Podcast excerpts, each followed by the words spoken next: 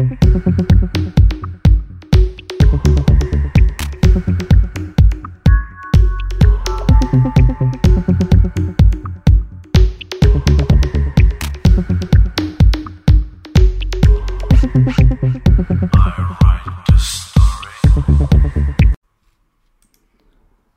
všem, tohle je Frekvence 101 a ne první český podcast o Tajvanu.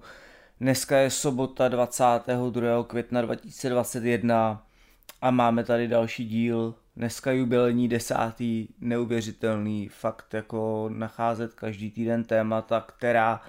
snad pro vás jsou zajímavá, je čím dál tím těžší, ale snažím se v tom pokračovat, abyste měli týdenní přísun a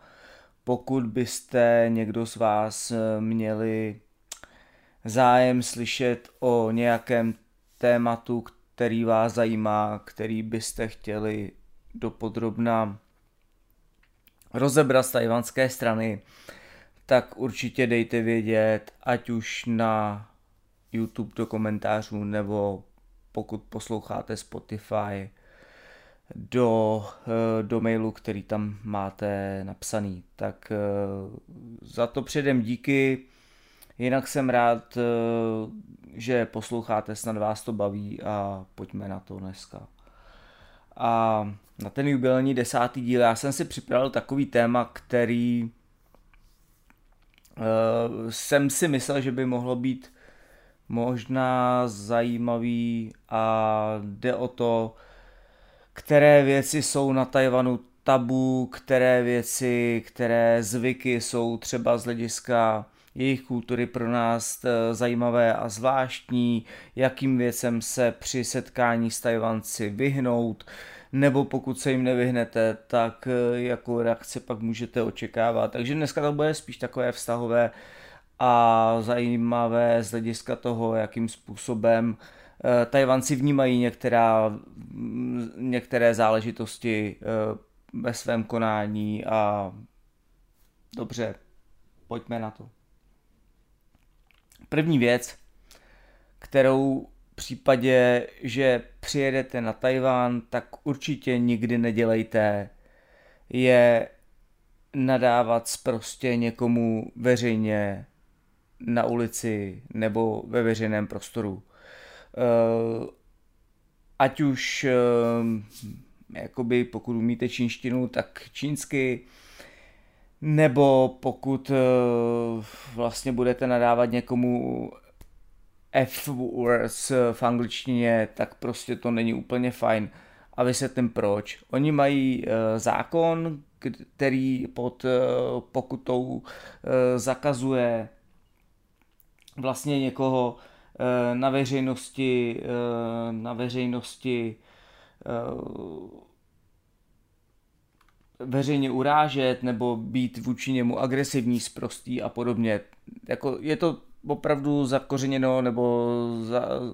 dáno do tajvanské legislativy eh, pod pokutou až asi 10 000 NTD, takže prostě můžete zaplatit 7 000 jenom za to, že eh, na někoho budete sprostí a někomu něco řeknete, ať už nějaké háce nebo to a ten člověk zavolá policii a prostě budete se tam dohadovat. Takže není úplně dobré se dostat do jakéhokoliv sporu. Já jsem tuhle tu zkušenost neměl, nemám, ale vím eh, z doslechu, že prostě i eh, lidi, kteří tam byli, ať už pracující cizinci nebo jako turisti, tak prostě se tam možná mohli dostat do takového sporu. A eh, v případě, že prostě někoho takhle urazili, tak ten člověk prostě veřejně jako opravdu zavolal policii a dostali pokutu nebo měli pak tajvanského známého, který využil svý sítě svých kontaktů a třeba je z toho problému nějakým způsobem dostal, ale prostě, jak říkám, eh, pokud nemusíte, eh, ať teď už jako berte to tak, i kdybyste se tam dostali někam do nějakého baru a popíjeli tam večer a dostali se do nějaké hádky, je lepší prostě odejít. Jste v cizině, není úplně fajn tam vyvolat nějaké prostě debaty, které vás dostanou do zbytečných problémů. Takže to je jenom na začátek. Eh, další věc, která je pro Tajvance extrémně důležitá, je, a to je zase uh, asi i v tom jako azijském regionu tam v podstatě stejné, ať už to platí pro čínskou komunitu na pevnině, pro Japonce, Korejce, i Tajvance teda, tak prostě jakoby nestratit svou tvář vůči, vůči okolí a vůči veřejnosti. To může být v několika aspektech, který prostě eh, vyplývají z toho, jak oni se chovají, to znamená nedávají najevo emoce, nedávají najevo nějakým způsobem rozčilení,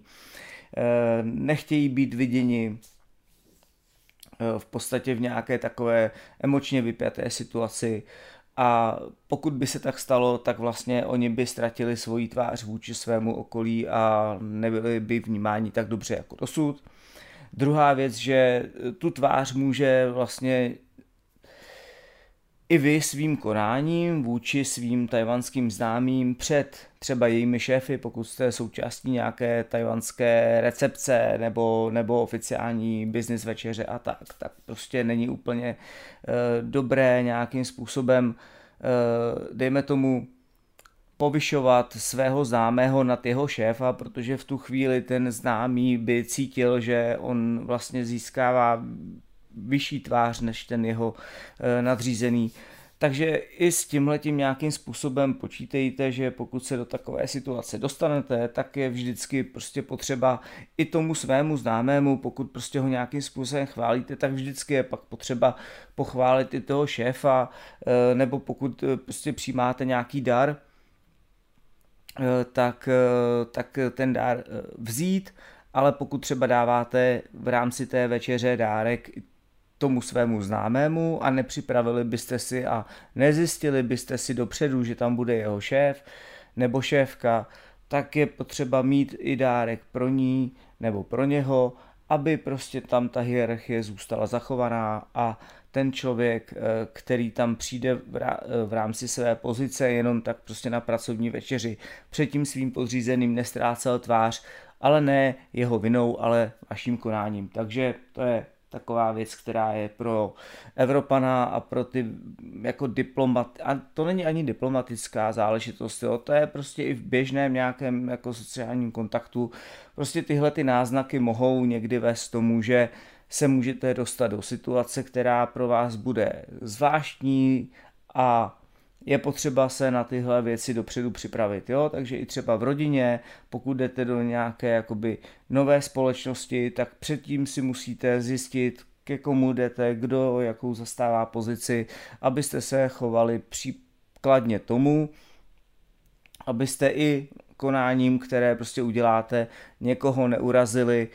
eh, a to nemyslím verbálně, ale třeba nepřímo. A vy vlastně potom odejdete, že jo, ale ten člověk pak v tom kolektivu dál zůstává a může se prostě cítit, jakože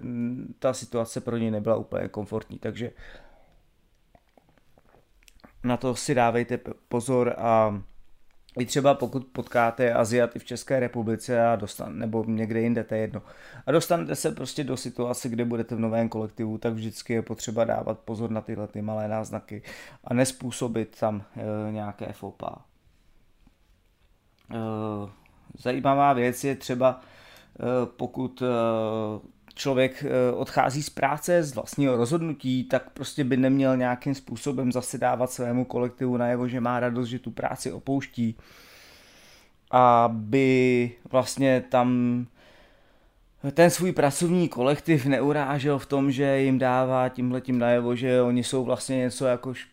méně cení a že jde za lepším, ale prostě jako OK, rozhodl si se odejít, odejdi, mlč, eh, ticho, nech tam ty lidi pracovat, ale prostě nějakým způsobem nedávej najevo, že jsi rád, že opouštíš to místo a jdeš někam jinam. Takže to je vlastně další aspekt i pro eh, i pro ta společnost je tam prostě velmi kolektivní a každý zásah do toho, kdyby ten kolektiv mohl cítit, že je nějakým způsobem ohrožen nebo ponížen nebo Eh, se mu nedostává nějakého jako nevyřčeného respektu, eh, tak prostě je považováno za slabost a za problém. Takže vždycky tyhle ty náznaky jsou prostě důležité v tom, eh, že vy a potažmo i ostatní prostě berete, že ten kolektiv je důležitější, než jste vy sami a vy prostě své, své pocity skrýváte, nebo oni své pocity skrývají vůči tomu, eh, tomu eh, širšímu počtu lidí. Tak, eh, takže to snad jsem to vysvětlil dobře. Tak pak tady mám taková takový soubor informací, nebo v podstatě věci, které se týkají stolování, což je jako asi nejčastější situace, do které se můžete dostat, eh, pokud potkáte někoho z tajvanské, potažmo azijské kultury, tak vždycky prostě budete buď pozváni na oběd na večeři, nebo prostě do toho eh, do toho eh, denního programu se vždycky nějaké jídlo vejde, tak jenom abyste věděli, které věci jsou při stolování tabu, které nedělat a proč. Protože vždycky jako, OK, oni vám všichni řeknou, nedělej tohle a tohle, ale vždycky je tam potřeba vědět proč a některé ty záležitosti jsou velmi citlivé nebo vycházejí z nějakých historických kořenů a pokud je chcete pochopit a vědět, jakým způsobem reagovat, tak vždycky ten eh, historický background a, a to vysvětlení je prostě na místě a zase pak vám to možná bude dávat větší smysl. Takže eh, určitě jste slyšeli, že v případě, že budete jíst uh, hůlkami rýži a, a, a zeleninu a tedy a tedy, tak v žádném případě, a to je jako pravidlo číslo jedna, nikdy, nikdy nezapichujte ty hůlky, v případě, že nejíte, tak je nenapichujte do té rýže, aby tam prostě stály, jako vždycky je odkládejte vedle svého talíře, buď jsou tam, ve většině případů jsou tam takové Eh, dřevěné, dřevěné, eh, já nevím, jak to popsat, jo, takové hranoly, kam ty hůlky můžete odložit, ale prostě nikdy nezapichujte hůlky eh, do rýže. Vysvětlení proč je jednoduché, v podstatě ve chvíli, kdy Tajvanci jdou na pohřeb, tak vlastně zapalují takové volné tyčinky, které potom nějakým způsobem umistují takhle jako do písku, kde ty tyčinky dohoří. A vlastně eh, v případě, že ty hůlky zapíchnete do té rýže, tak eh, jim to připomíná ty voné tyčinky právě v tom písku v případě toho pohřbu a je to symbolika prostě špatné, eh, špatné události, neštěstí a přináší to prostě nějakou smůlu a tedy a tedy. Takže eh, v podstatě pokud byste tohle udělali, tak ty své spolu stolovníky nějakým způsobem uvádíte do rozpaku s tím, že jim naznačujete, že se jim může něco špatného stát a jak říkám, tohle to je věc, kterou určitě určitě nedělejte.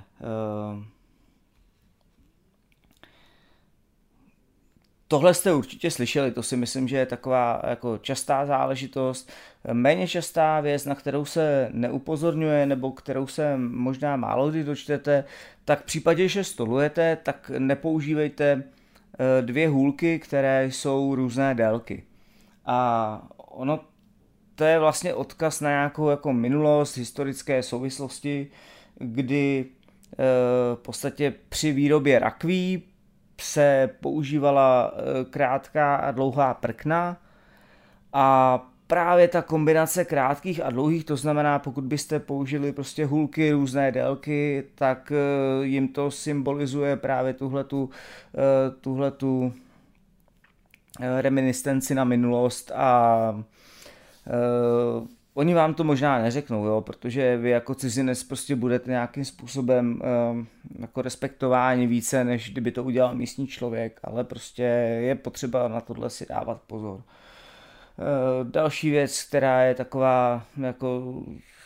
jenom upozorním, tak uh, pokud odkládáte hůlky na stůl, tak je nepokládejte křížem, protože ten symbol kříže je vlastně symbol odmítnutí, takže byste dávali lidem, kteří jsou okolo vás u stolu, najevo, že odmítáte být součástí té chvíle, té večeře, toho oběda a tedy. Takže na to taky bacha. A poslední věc, která je spíše praktická, ale myslím si, že je potřeba ji říct, že mm, případě, tak eh, ty azijské nebo tajvanské, čínské obědy večeře asi znáte, víte, že prostě spousta těch jídel eh, se přinese na velkých eh, talířích, velkých podnosech a potom si každý z toho bere ten, tu část, kterou má, na kterou má chuť a vlastně ta jídla se jakoby sdílí. Jo. A to znamená, že nemáte to jako u nás, že dostanete svůj pokrm na svém talíři, ale nabíráte si z něčeho, co je společné všem. Takže v některých restauracích je to vyřešeno tak, že máte barevně odlišné hůlky, eh, ty hůlky jsou eh, v podstatě jedny na to, abyste si nabrali z toho společného a, a umístili ho na svůj talíř nebo do své misky a druhý pár hůlek je barevně odlišený tak, abyste poznali, eh, že prostě tím potom to svojí, to svoje jídlo konzumujete. Pokud to tak není, nebo máte k dispozici jenom jedny hůlky, nebo tam není nějaká společná nabíračka, která prostě umožňuje, eh, jakoby, že si všichni nabírají do svých a potom hůlkami konzumují, tak vždycky se to řeší tak, že tím, eh, tím širším koncem hůlek se nabírá z toho společného a pak vlastně ty hůlky otočíte a jíte eh, tím uším koncem hůlek a tím je zaručeno, že prostě ne, vlastně uh, tou částí hůlek, kterou vy uh, konzumujete to jídlo, potom nedáváte do těch společných talířů. Takže to je tak jako na doplnění téhle věci, abyste měli představu a věděli, jak, jak se u u oběda večeře s Aziaty, Tajvanci chovat. Myslím si, že pokud dodržíte tyhle ty věci, které jsem tady řekl, tak se nemusíte obávat, že byste se dostali do nějakého jako zásadního problému a způsobili nějaké další fopa. Jo. Tak, uh, doplnění k tomu a možná do vysvětlení v případě, že pojete do restaurace nebo možná i kamkoliv dál na Tajvanu, tak nepočítejte se spropitným. Spropitné se nedává. V drtivé většině případů ta cena, která je tam prostě napsaná, je konečná a v případě, že byste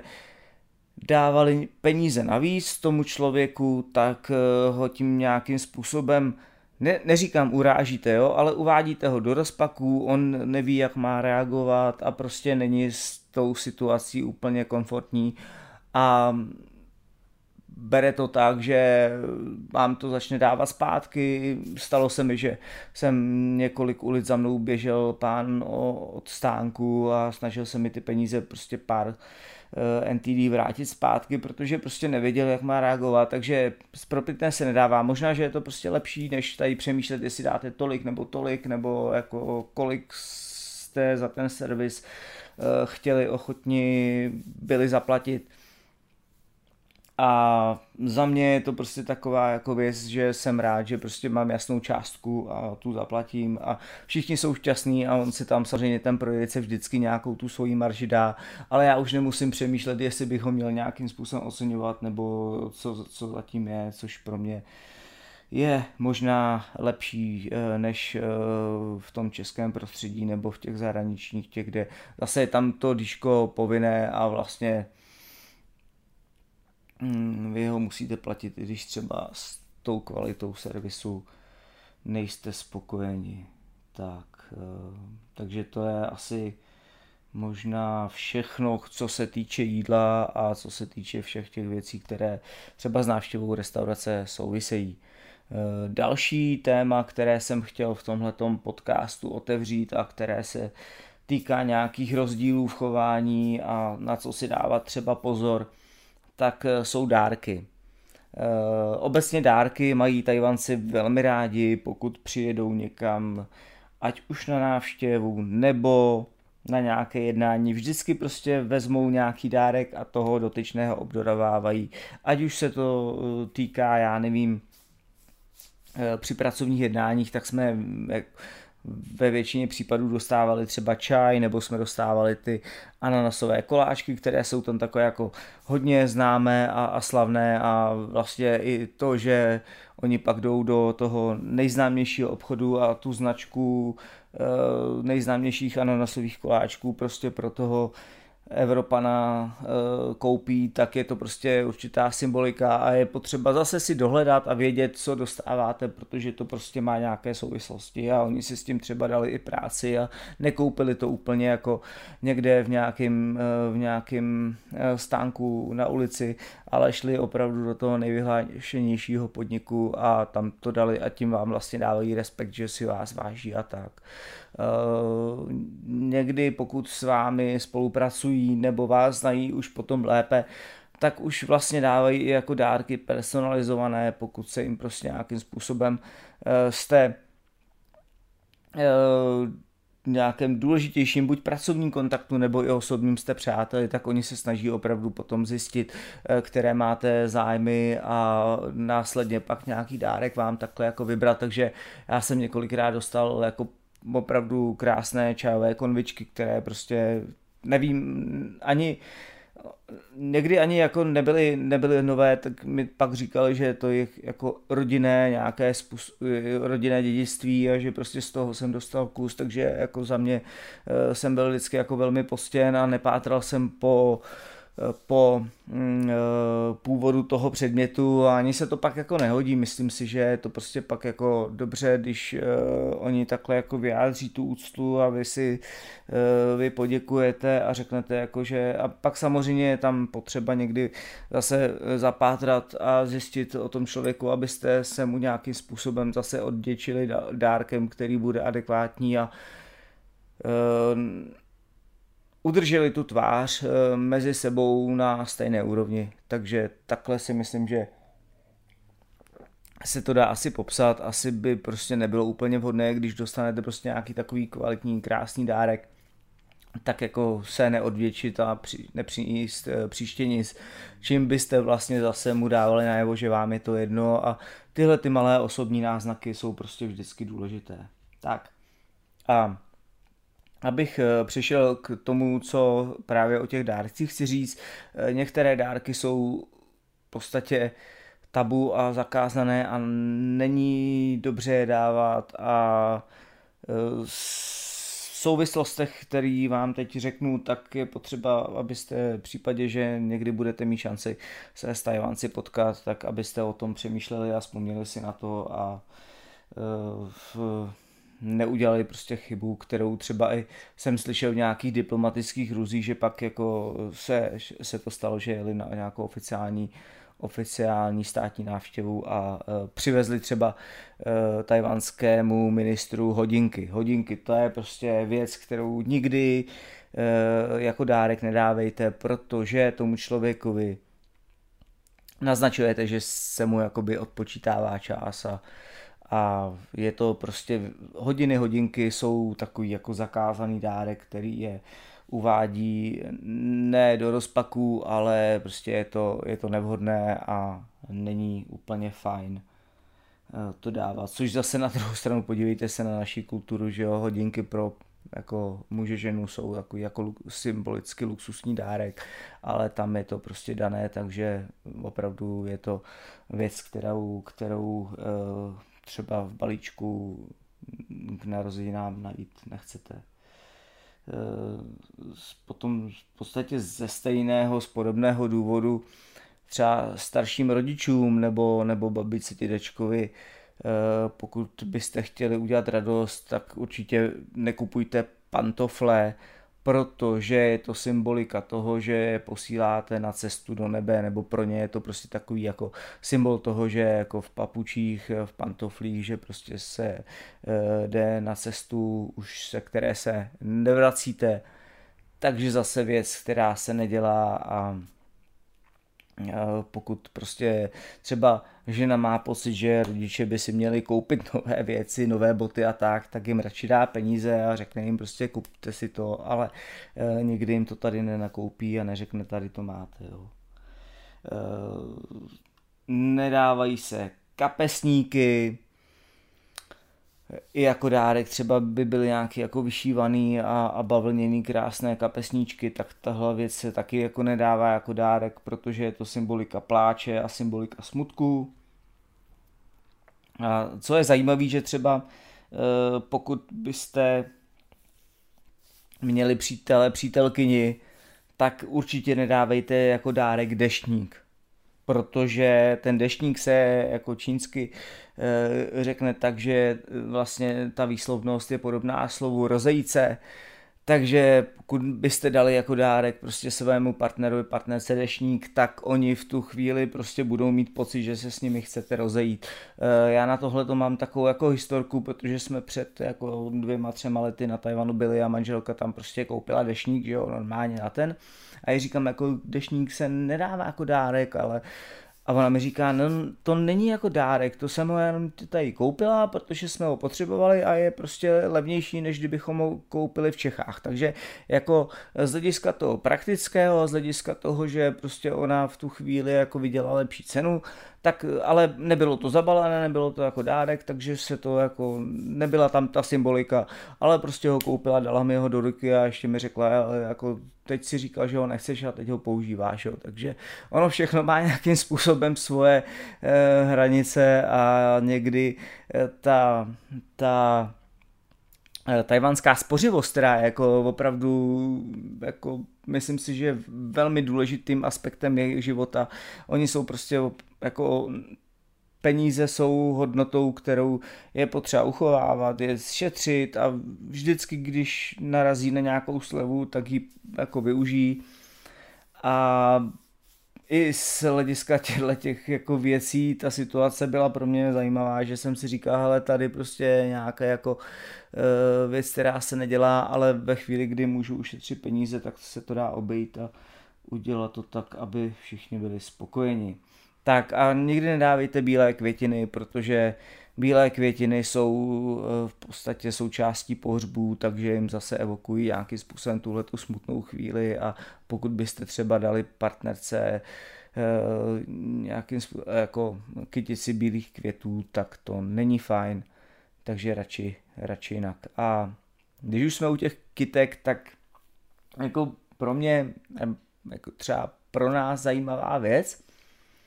Eh, kdy já vždycky teda, když má manželka prostě buď narozenin, nebo, nebo, nebo já nevím, máme výročí nebo tak, tak jsem jí vždycky kupoval jako, snažil jsem si jí koupit krásnou kytici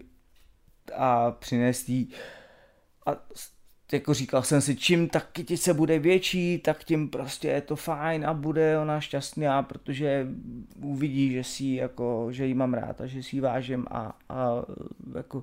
bral jsem to, že jako čím ta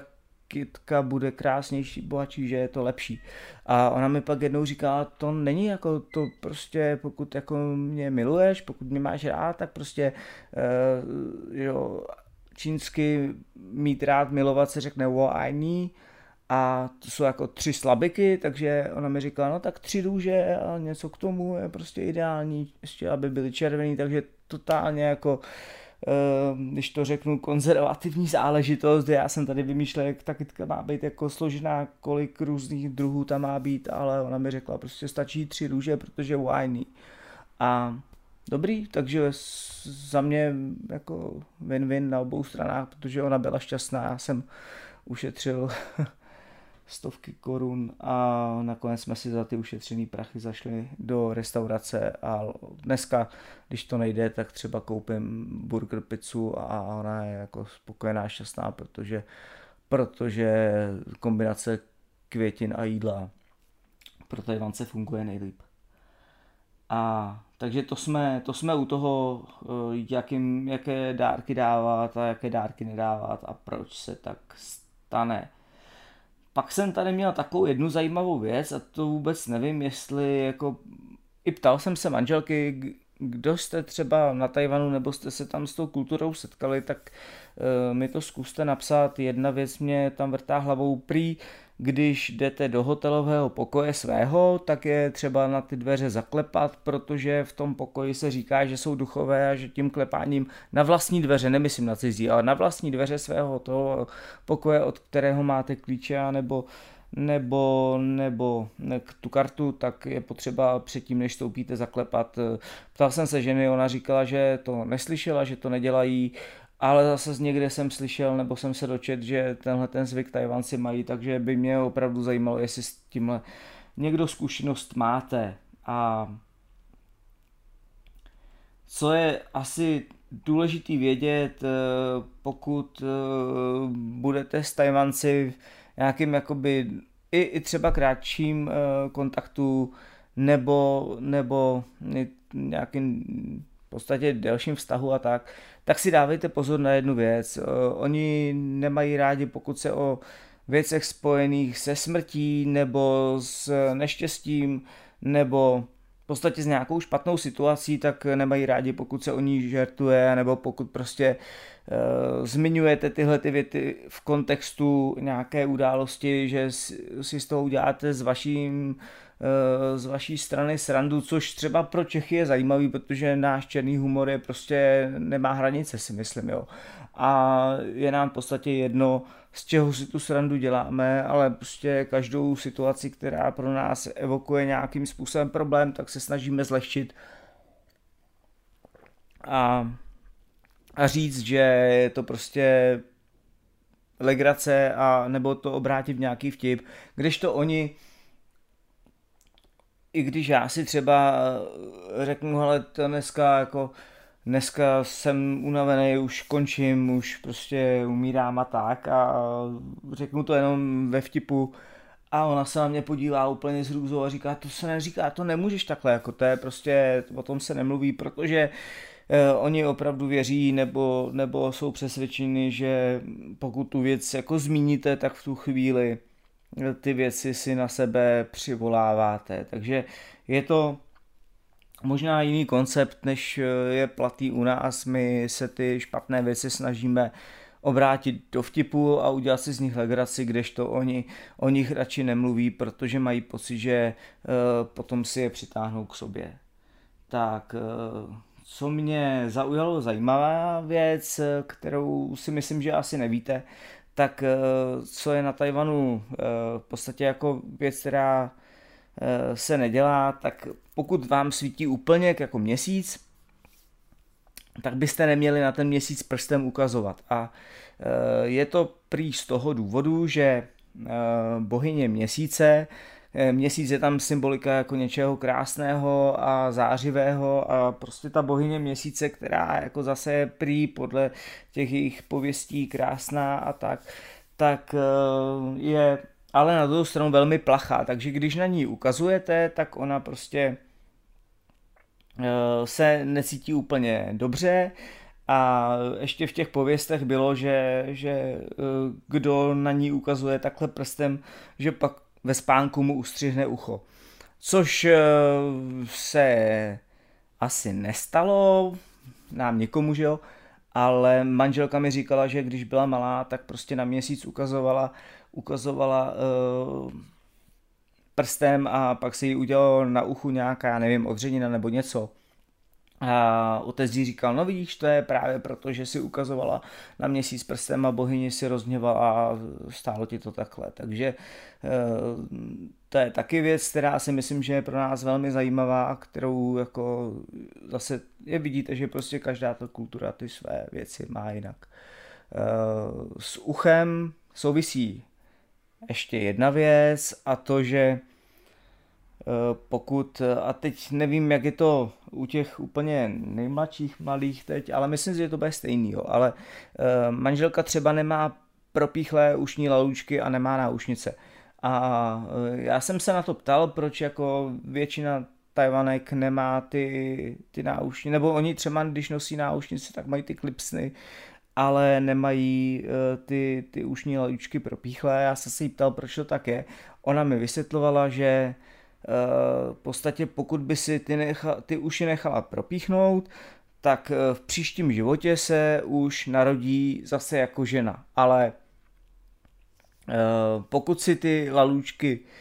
nepropíchne, tak prostě ta duše při té reinkarnaci si pak bude moct vybrat, jestli se narodí jako žena a jako muž. Takže ona, aby měla ten výběr do příštího života, tak se tam prostě drží ta tradice, že se ušní lalůčky nepropichují. Tak zajímavá věc, doufám, že dámy, které dneska posloucháte, nebo vaše děti potom, že se z toho buď inspirujete, neinspirujete, eh, ale je to, je to si myslím velmi, velmi zajímavá záležitost. Teď asi z jiného soudku, pokud eh, byste zase byli v kontaktu s Tajvanci, tak eh, všechny věci, které oni vám dávají, to znamená ať už vizitku, vizitka je samostatná kapitola, vizitky jsou prostě tam velmi oblíbená věc a při každé příležitosti se eh, vyměňují vizitky, ať už obchodní, nebo i když byste byli, dejme tomu, jenom, jenom s přáteli někde, tak prostě oni vždycky mají ty vizitky po ruce a, a i, i dneska v době, eh, v době internetu tak eh, jako se tam daleko víc než u nás ty vizitky používají. Ale k čemu jsem se chtěl dostat? Eh, v případě, že tyhle ty věci vám dávají, tak vždycky je berte oběma rukama. To znamená nejenom jednou, ale na znamení respektu k tomu člověku, Možná, že to vychází z nějaké historie, já jsem se ne, ne, nedopátral toho, toho historického, té historické souvislosti, ale možná myslím si, že je to tak, že pokud se to bralo oběma rukama, tak ten člověk už neměl možnost nějakým způsobem toho dalšího druhého člověka zranit nebo ho nějak překvapit nebo něco, protože vlastně měl zaměstnány obě ty ruce tím, že přejímal tu věc. Takže možná i na, na základě tohohle prostě ten respekt je takhle jako vyjádřen a pokud teda, jak říkám, vizitky nebo i třeba peníze vám vrací jako eh, na eh, bankovky eh, v obchodě, v restauraci, tak vždycky byste je měli brát oběma rukama, nebo v hotelu dostáváte účet, nebo nějaký prostě něco, tak zase prostě použijte obě ruce a i jako cizinec si myslím, že uděláte prostě tomu druhému člověkovi radost, že za prvé ten zvyk znáte a za druhé, že prostě mu nějakým způsobem ten respekt eh, vyjadřujete, vyjadřujete. Tak a poslední věc asi z tohohle toho ranku, eh, pokud byste si potom na něco, nebo na tu vizitku, nebo na, na papír eh, zapisovali zapisovali nějaké další údaje, tak nepoužívejte červený fix nebo červenou tušku. Eh, vlastně celá tahle ta věc ohledně červené barvy je velmi zajímavá. Oni v podstatě mají eh, vidí v tom symboliku, pokud byste někde eh, v podstatě si poznamenali nějaké zápisky červenou fixou nebo červenou tuškou, tak ta červená pro ně v tu chvíli znamená jako barva krve a i třeba potom, když jdou na protesty proti, já nevím, vládě nebo nějaké politické straně nebo nějakému, já nevím, zaměstnavateli, který se k ním nechová dobře nebo to, tak ty nápisy si u, vlastně na, na ty, na ty, eh, na, ty, na ta hesla si napíšou červeně, aby vyjádřili, že ten odpor vůči té aktivitě je silnější, takže i vlastně ta barva toho vyjadřuje nějakým způsobem tu emoci, kterou v sobě mají. Jo. A vedle toho je strašně zajímavá věc, že oni jinak červenou barvu považují za zase barvu štěstí, eh, v některých situacích, takže je to takový jako, musíte se v tom, není to tak, že červená vždycky špatně, ale je to prostě mix situací, který eh, je potřeba vždycky jako zjistit a zvážit dopředu, takže jako na nový rok se třeba dávají obálky s penězmi jako dárek eh, právě červené obálky, eh, nebo v případě, když eh, jste pozváni na svatbu, tak, tak tam jdete vlastně a všichni mají obálky s penězi a dávají svatebčanům jako dárek. Já jednou nějaký speciální díl o svatbě na Tajvanu udělám, protože si myslím, že je to tak jako zajímavá věc a je trošku, eh, to probíhá jinak než svatby u nás. A eh, takže i No a potom třeba červené šaty zase symbolizují prostě nějakým způsobem štěstí a nebo na nový rok, tak na ten první, myslím, že je to tak, že ne, snad mě nikdo neopravíte, jo, ale že na ten první den nového roku by se mělo nosit červené spodní prádlo, abyste si do toho dalšího roku uh, vlastně přinesli štěstí a takže ta červená barva není jako, jak říkám, vyloženě buď barva teda krve nebo barva štěstí, ale záleží na situaci, v jakých je používána a v jakých oni to vnímají, že eh, bude to teda na tom, eh, na tom spektru na tom spektru pozitivnějším a nebo negativním. Tak. A teď eh, poslední taková zajímavá věc, která se týká těch, těch tabů, které si myslím, že pokud budete znát, tak asi jako v těch, eh, ve většině situací obstojíte a budete eh, schopni vlastně i potom porozumět, proč oni se takhle chovají, tak eh, tam, jak je tam citlivá politická situace, tak v případě, že přijedete, tak prostě se nesnažte hned se všem ptát, jaký máš názor na Čínu a jak to tam jako vidíte. Není to komfortní téma, který by pro vás bylo nějakým způsobem, nebo kterým byste měli začínat rozhovory eh, s každým. Bere se to tak, že jako politika tyhle ty věci jsou v podstatě takové tabu na začátku vztahu a na začátku, kdy se teprve třeba s těmi lidmi poznáváte nebo víte, že spolu budete jenom krátce a budete se znát jako známí, ale nebudete nějakým způsobem o tom člověkovi vědět víc, tak jako je fajn se na tyhle ty záležitosti neptát. Uh, moje zkušenost je taková, že já nikdy jako ne, ne, ne, nedávám uh, najevo svůj zájem o to, abych zjistil, kdo jak se na tyhle věci dívá a případě, že se tam Eh, s některými lidmi potkáme, nebo i s, vlastně s těmi známými, se kterými se znám jako 10 let, tak prostě jsme na ty politické záležitosti asi nikdy eh, do hloubky nenarazili. Beru to tak, že oni mají, je to jejich nějaký osobní prostor, který je fajn narušovat. A na druhou stranu zase eh, několikrát se mi stalo, že jsme byli v takových těch modernějších barech, Taipei a s mladými lidmi, dejme tomu kolem 25 a třeba večer už jsme se tam všichni začali bavit o tom, je zajímalo, jak my jako Česká republika tady mezi Německem, Ruskem a naše vztahy a pak jsme se právě dostali na ty paralely, jako oni jako malý stát a, a věci mezi Čínou, Amerikou, Japonskem, a tak. A vyměňovali jsme si tam spousty zajímavých postřehů v tom, že každý prostě se na ty věci e, dívá ze svého úhlu pohledu. A teď já beru to tak, že ta mladší generace už je spíše pro tu samostatnost e, tajvanskou a že ty věci budou do budoucna asi jako hodně zajímavý, protože oni právě v těch e, v těchto těch politických záležitostech už eh, nevnímali eh, ten čínský akcent, že by tam odsud pocházely jejich rodiny nebo jejich známí, jejich eh, rodiče nebo prarodiče, ale už to prostě brali, že už celý život prožili prostě na Tajvanu a už je to jejich, jejich země, kterou nějakým způsobem mají rádi, mají k ní vztah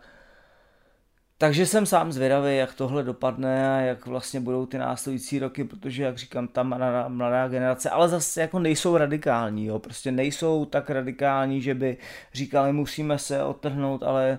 eh, vnímají i ten kontext toho, co se děje ve světě a prostě jako, že tu možnost, že se s nima, že se s nima prostě ostatní národy baví, čím dál víc, že oni mají možnost třeba studovat v Americe nebo, nebo v Kanadě, v Evropě, tak eh, cestovat jako lépe než třeba Číňani, že jo, protože dneska do až teď zase zapomeňte na covid situaci, ale případě, že třeba jedete, že jste Tajvanec s tajvanským pasem, tak máte 90 dní uh, vlastně výzum do EU jako bez žádných problémů, jenom přijedete, prokážete se pasem a jdete, jo, kdežto Číňan z pevnické Číny musí mít speciální víza. Stejně tak my jako Češi na Tajvan 90 dní máme vlastně neomezený přístup bez nutnosti si vyřizovat a platit nějaká speciální víza. Takže i tenhle ten vztah tady ukazuje, že i když, když Tajvan neuznáváme, tak, tak ty vztahy jsou založeny na nějakých jako obecnějších principech, ale, ale jenom říkám, prostě pokud budete mít nějakým způsobem eh, šanci se s Tajvancem potkat, tak první otázka určitě není fajn, jako jim říct, tak co vy a Čína. Jo. A poslední zajímavost, kterou jsem tady si vypsal, abyste eh, věděli ty zvyky, které já jsem se snažil eh, vypíchnout asi ty nejzajímavější. A v jednom, těch, eh, v jednom z těch předchozích podcastů, který je věnován svátkům, ať už tedy státním svátkům nebo těm kulturním svátkům, Eh, tak jsem mluvil o měsíci duchů, který je sedmý měsíc lunárního kalendáře, který je tak jako brán speciálně, že mm, jsou tam jako zvyky a omezení, které po celou dobu toho, eh, toho měsíce by se neměly dělat a když tak si to poslechněte, já si myslím, že těch deset dílů projdete celkem rychle, ani jsem ten link někam do popisku dávat nemusím, ale co je zajímavé, tak eh, tento měsíc byste neměli hvízdat. Hvízdání je obecně tam bráno jako věc, která jako je nějakým způsobem ovlivňuje ty duchy a neměli byste to dělat vůbec, ale speciálně právě v tomto měsíci duchů je jako zakázáno hvízdat zejména v noci. Neměli byste kupovat, nebo oni nenakupují zásadní věci, Eh, typu dům a auto, protože jim to pak může přinést nějakým způsobem neštěstí a ty duchové by vlastně potom mohly ovlivnit, jak se v tom domě nebo v tom domě bydlí a v tom autě jezdí a patrně možná způsobit nějaké nehody, takže tyhle ty eh, zásadní investice se v tom měsíci nedělají. Eh, neměli byste chodit sami v noci ven, neměli byste chodit plavat vůbec ten měsíc, Jinak obecně Tajvanci teda eh, jako ve většině jsou neplavci, i když i to se možná časem trochu mění, ale ta střední starší generace prostě plavat neumí. Ale právě ti, kteří jo, tak v ten měsíc sedmý lunárního kalendáře, tak oni prostě věří, že pokud uh, by se utopili, při tom plavání, eh, tak prostě v tento měsíc duchů eh, by měli možnost vzít život nějakému dalšímu živému člověku, takže z toho, aby, aby se vrátili mezi živé nebo si udělali prostě nějakou šanci na, na budoucí život, nebo jak to je, tak i z tohohle důvodu oni prostě se snaží zachránit ty potenciální lidské životy a nechodí plavat. Tak a to si myslím, že letem světem takhle asi všechno, co jsem dneska tak jsem chtěl říct, eh, na co jsem přišel, co mi přišlo zajímavé, že jsou věci, které by se na Tajvanu nebo v eh, tajvanských vztazích dělat neměly, které eh, ty zvyky jsou třeba pro nás jako zajímavé a proč. Doufám, že vás to bavilo, že se vám tyhle ty informace neříkám, že hodí, ale že vás zase obohatili a že jste se dozvěděli něco nového, co byste se normálně nedozvěděli. Budu se těšit u příštího dílu, který se snad eh, zase za týden eh, budu snažit udělat. Eh, doufám, že najdu téma, které pro vás bude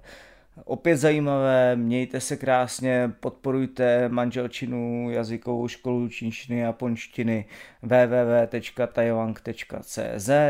a hodně zdraví. Doufám, že už do konce roku třeba